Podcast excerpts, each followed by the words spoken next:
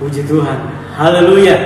Salam sejahtera dalam kasih Tuhan kita Yesus Kristus. Kita bersyukur kepada Tuhan atas kesempatan yang Tuhan berikan bagi kita semua, baik jemaat Tuhan yang ada di rumah untuk kembali bersama-sama pada hari ini kita merenungkan firman Tuhan sebab firman Tuhan yang menjadi kekuatan dalam kehidupan kita terlebih dalam menjalani hari-hari kehidupan yang semakin suka.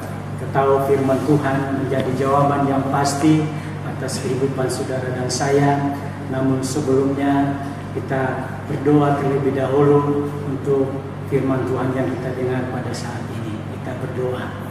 Terima kasih Bapak dalam surga, kami bersyukur kepadamu buat kebaikan Tuhan, kemurahan Tuhan dalam kehidupan kami. Kalau kami ada sampai saat ini, semua oleh karena kemurahan Tuhan, kebaikan Tuhan dalam kehidupan kami. Pada saat ini, kami akan siapkan hati kami untuk kembali diisi oleh kebenaran firman-Mu. Kami percaya firman-Mu itulah menjadi kekuatan bagi kami untuk kami dapat melewati hari-hari yang kami jalani. Terima kasih Bapak dalam surga, kami akan sambut firman-Mu dengan ucapan syukur dalam nama Tuhan Yesus Kristus. Haleluya. Amin. Puji Tuhan, firman Tuhan. Pada kesempatan ini saya berikan judul Mata Tuhan tertuju kepada orang benar yang saya ambil di dalam Mazmur pasal yang ke-34 saya akan membaca ayat yang ke-16 sampai ayat yang ke-20 demikian bunyi firman Tuhan.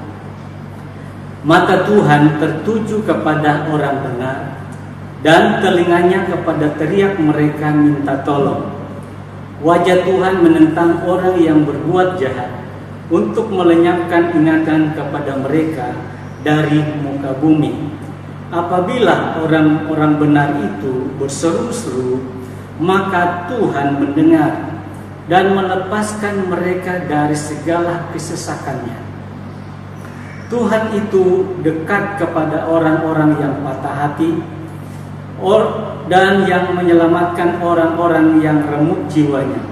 Kemelangan orang benar banyak, tetapi Tuhan melepaskan dia dari semuanya. Puji Tuhan. Firman Allah kembali datang dalam kehidupan kita sebagai orang percaya melalui ayat pembacaan yang kita sudah baca atau yang kita dengar dalam kesempatan ini. Disebutkan di sana beberapa kali orang benar.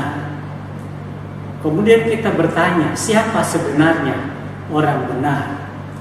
Firman Allah mengatakan di dalam Roma pasal 3 10 sampai ayat yang ke-18. Disebutkan bahwa tidak ada seorang pun yang benar semua orang telah berbuat jahat. Semua orang telah melakukan dosa. Jadi tidak ada yang benar, seorang pun tidak, kata firman Tuhan. Orang benar adalah mereka yang karena telah ditebus, mereka yang telah dibenarkan oleh Yesus Kristus yang telah mati, bangkit dan hidup dan dialah yang menebus kehidupan saudara dan saya.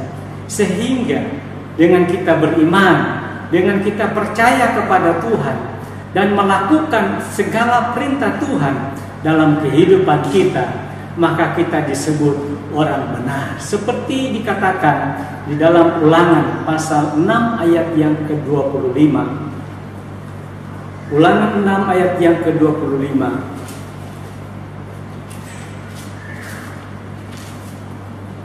dan kita akan menjadi benar apabila kita melakukan segenap perintah itu dengan setia di hadapan Tuhan Allah kita seperti yang diperintahkannya kepada kita. Seperti saya katakan tadi bahwa di dunia tidak ada seorang pun yang benar. Semua orang telah berbuat dosa. Dan kita tahu bahwa Akibat dosa atau upah dosa adalah kematian untuk selama-lamanya. Tetapi kita bersyukur kepada Tuhan karena Tuhan begitu mengasihi saya dan saudara. Tuhan tidak mau membiarkan kehidupan kita untuk binasa. untuk mengalami penghukuman daripada Tuhan, tetapi Allah mau supaya kehidupan manusia termasuk saudara dapat diselamatkan sehingga melalui iman kita kepada Yesus Kristus saat kita percaya dan menerima Dia sebagai Tuhan dan Juru Selamat, maka di situlah kehidupan saudara dan saya kemudian dibenarkan sehingga kita menjadi benar. Kita disebut orang benar. Kita disebut orang percaya, anak-anak Tuhan.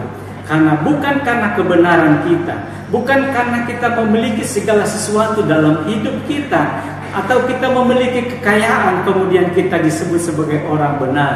Tapi kita dibenarkan oleh Tuhan, semua karena kasih karunia, semua karena anugerah Tuhan di dalam kehidupan saudara dan saya.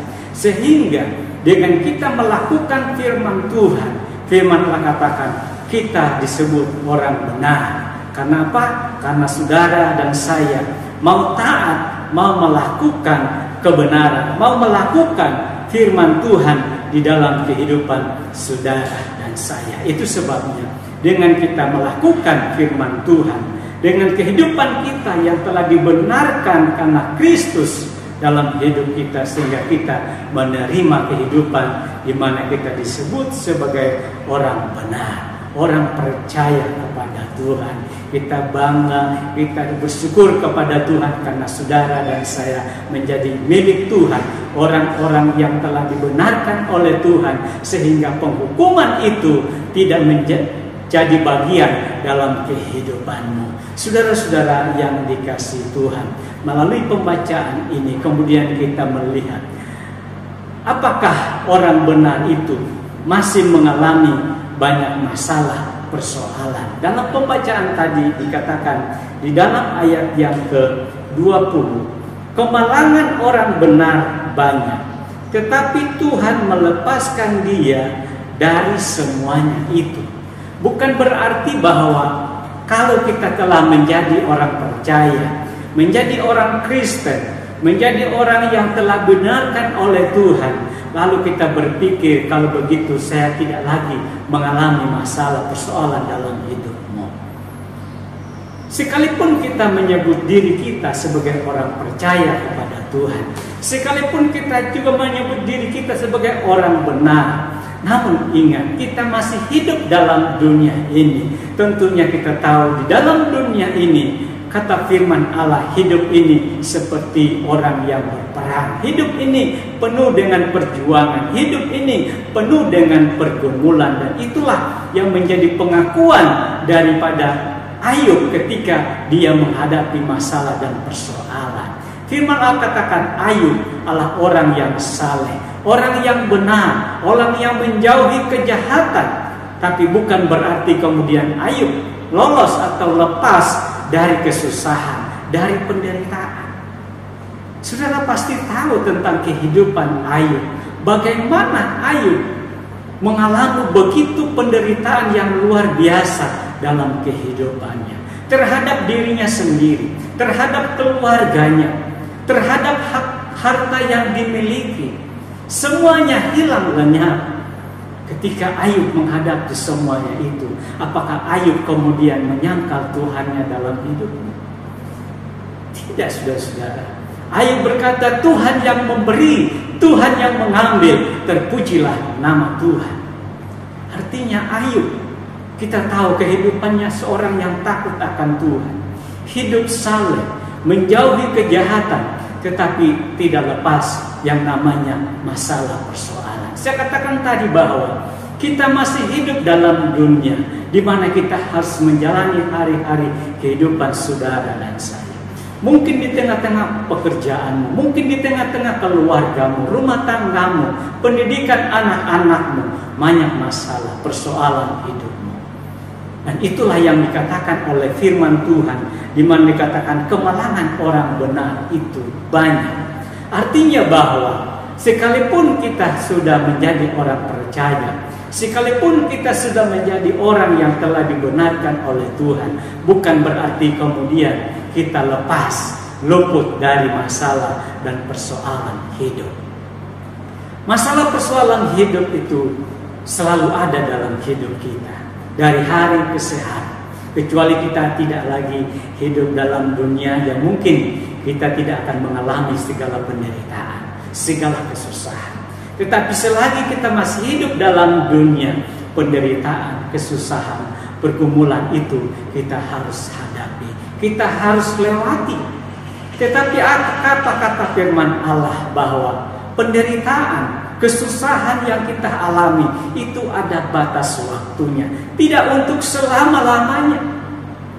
Hanya sementara selagi kita hidup dalam dunia, tetapi ketika kita tidak lagi dalam dunia, maka penderitaan, maka persoalan itu, maka segala apa yang kita hadapi itu akan terlepas dalam hidup saudara dan saya.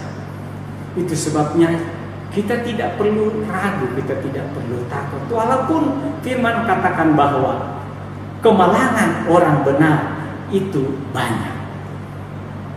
Kemalangan orang benar itu banyak.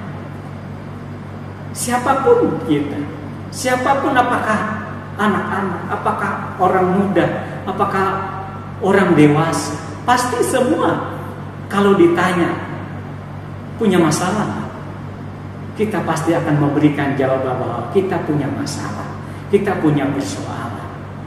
Dan itulah kata firman Allah, kemalangan orang benar itu banyak.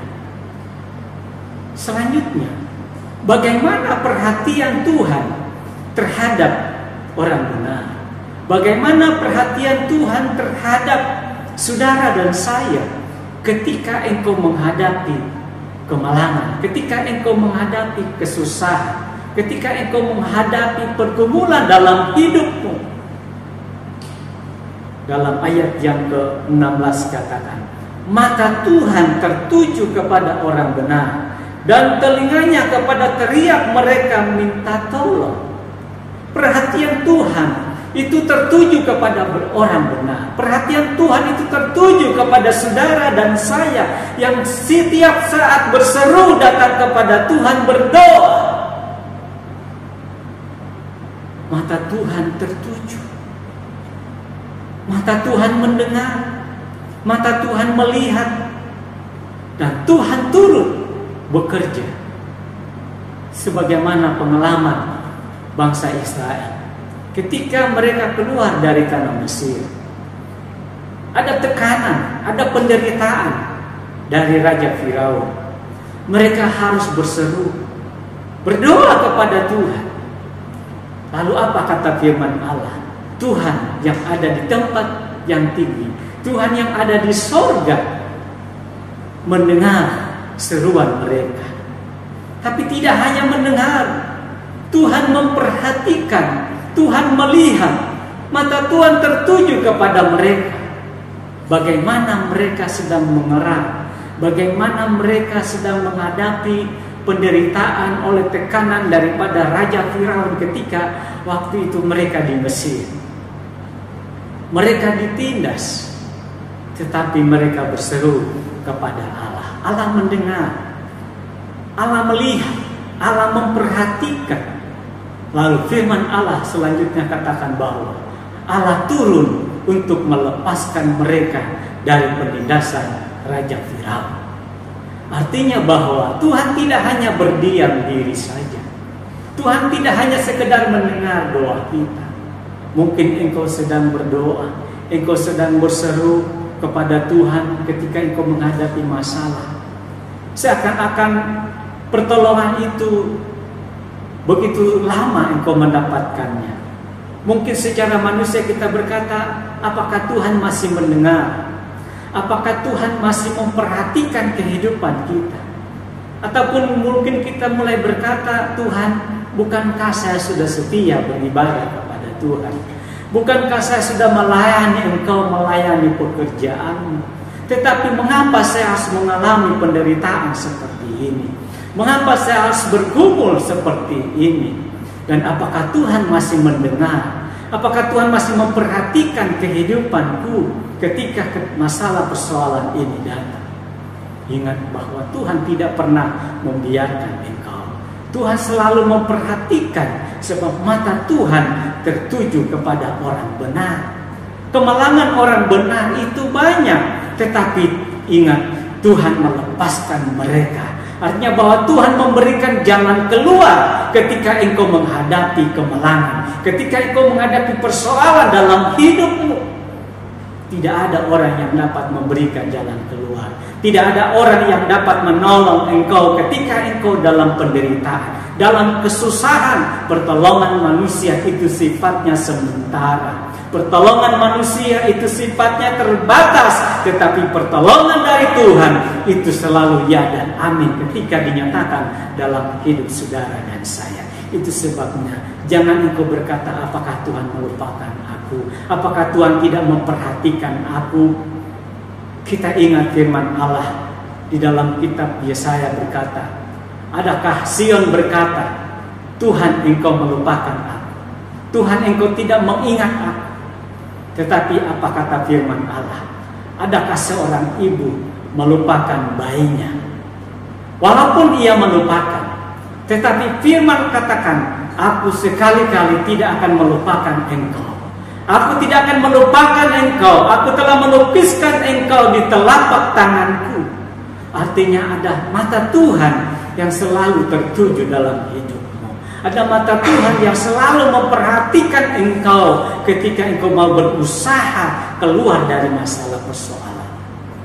Ingat ketika kita turun tangan, Allah akan turun tangan. Ketika kita mengangkat tangan, Allah akan turun tangan.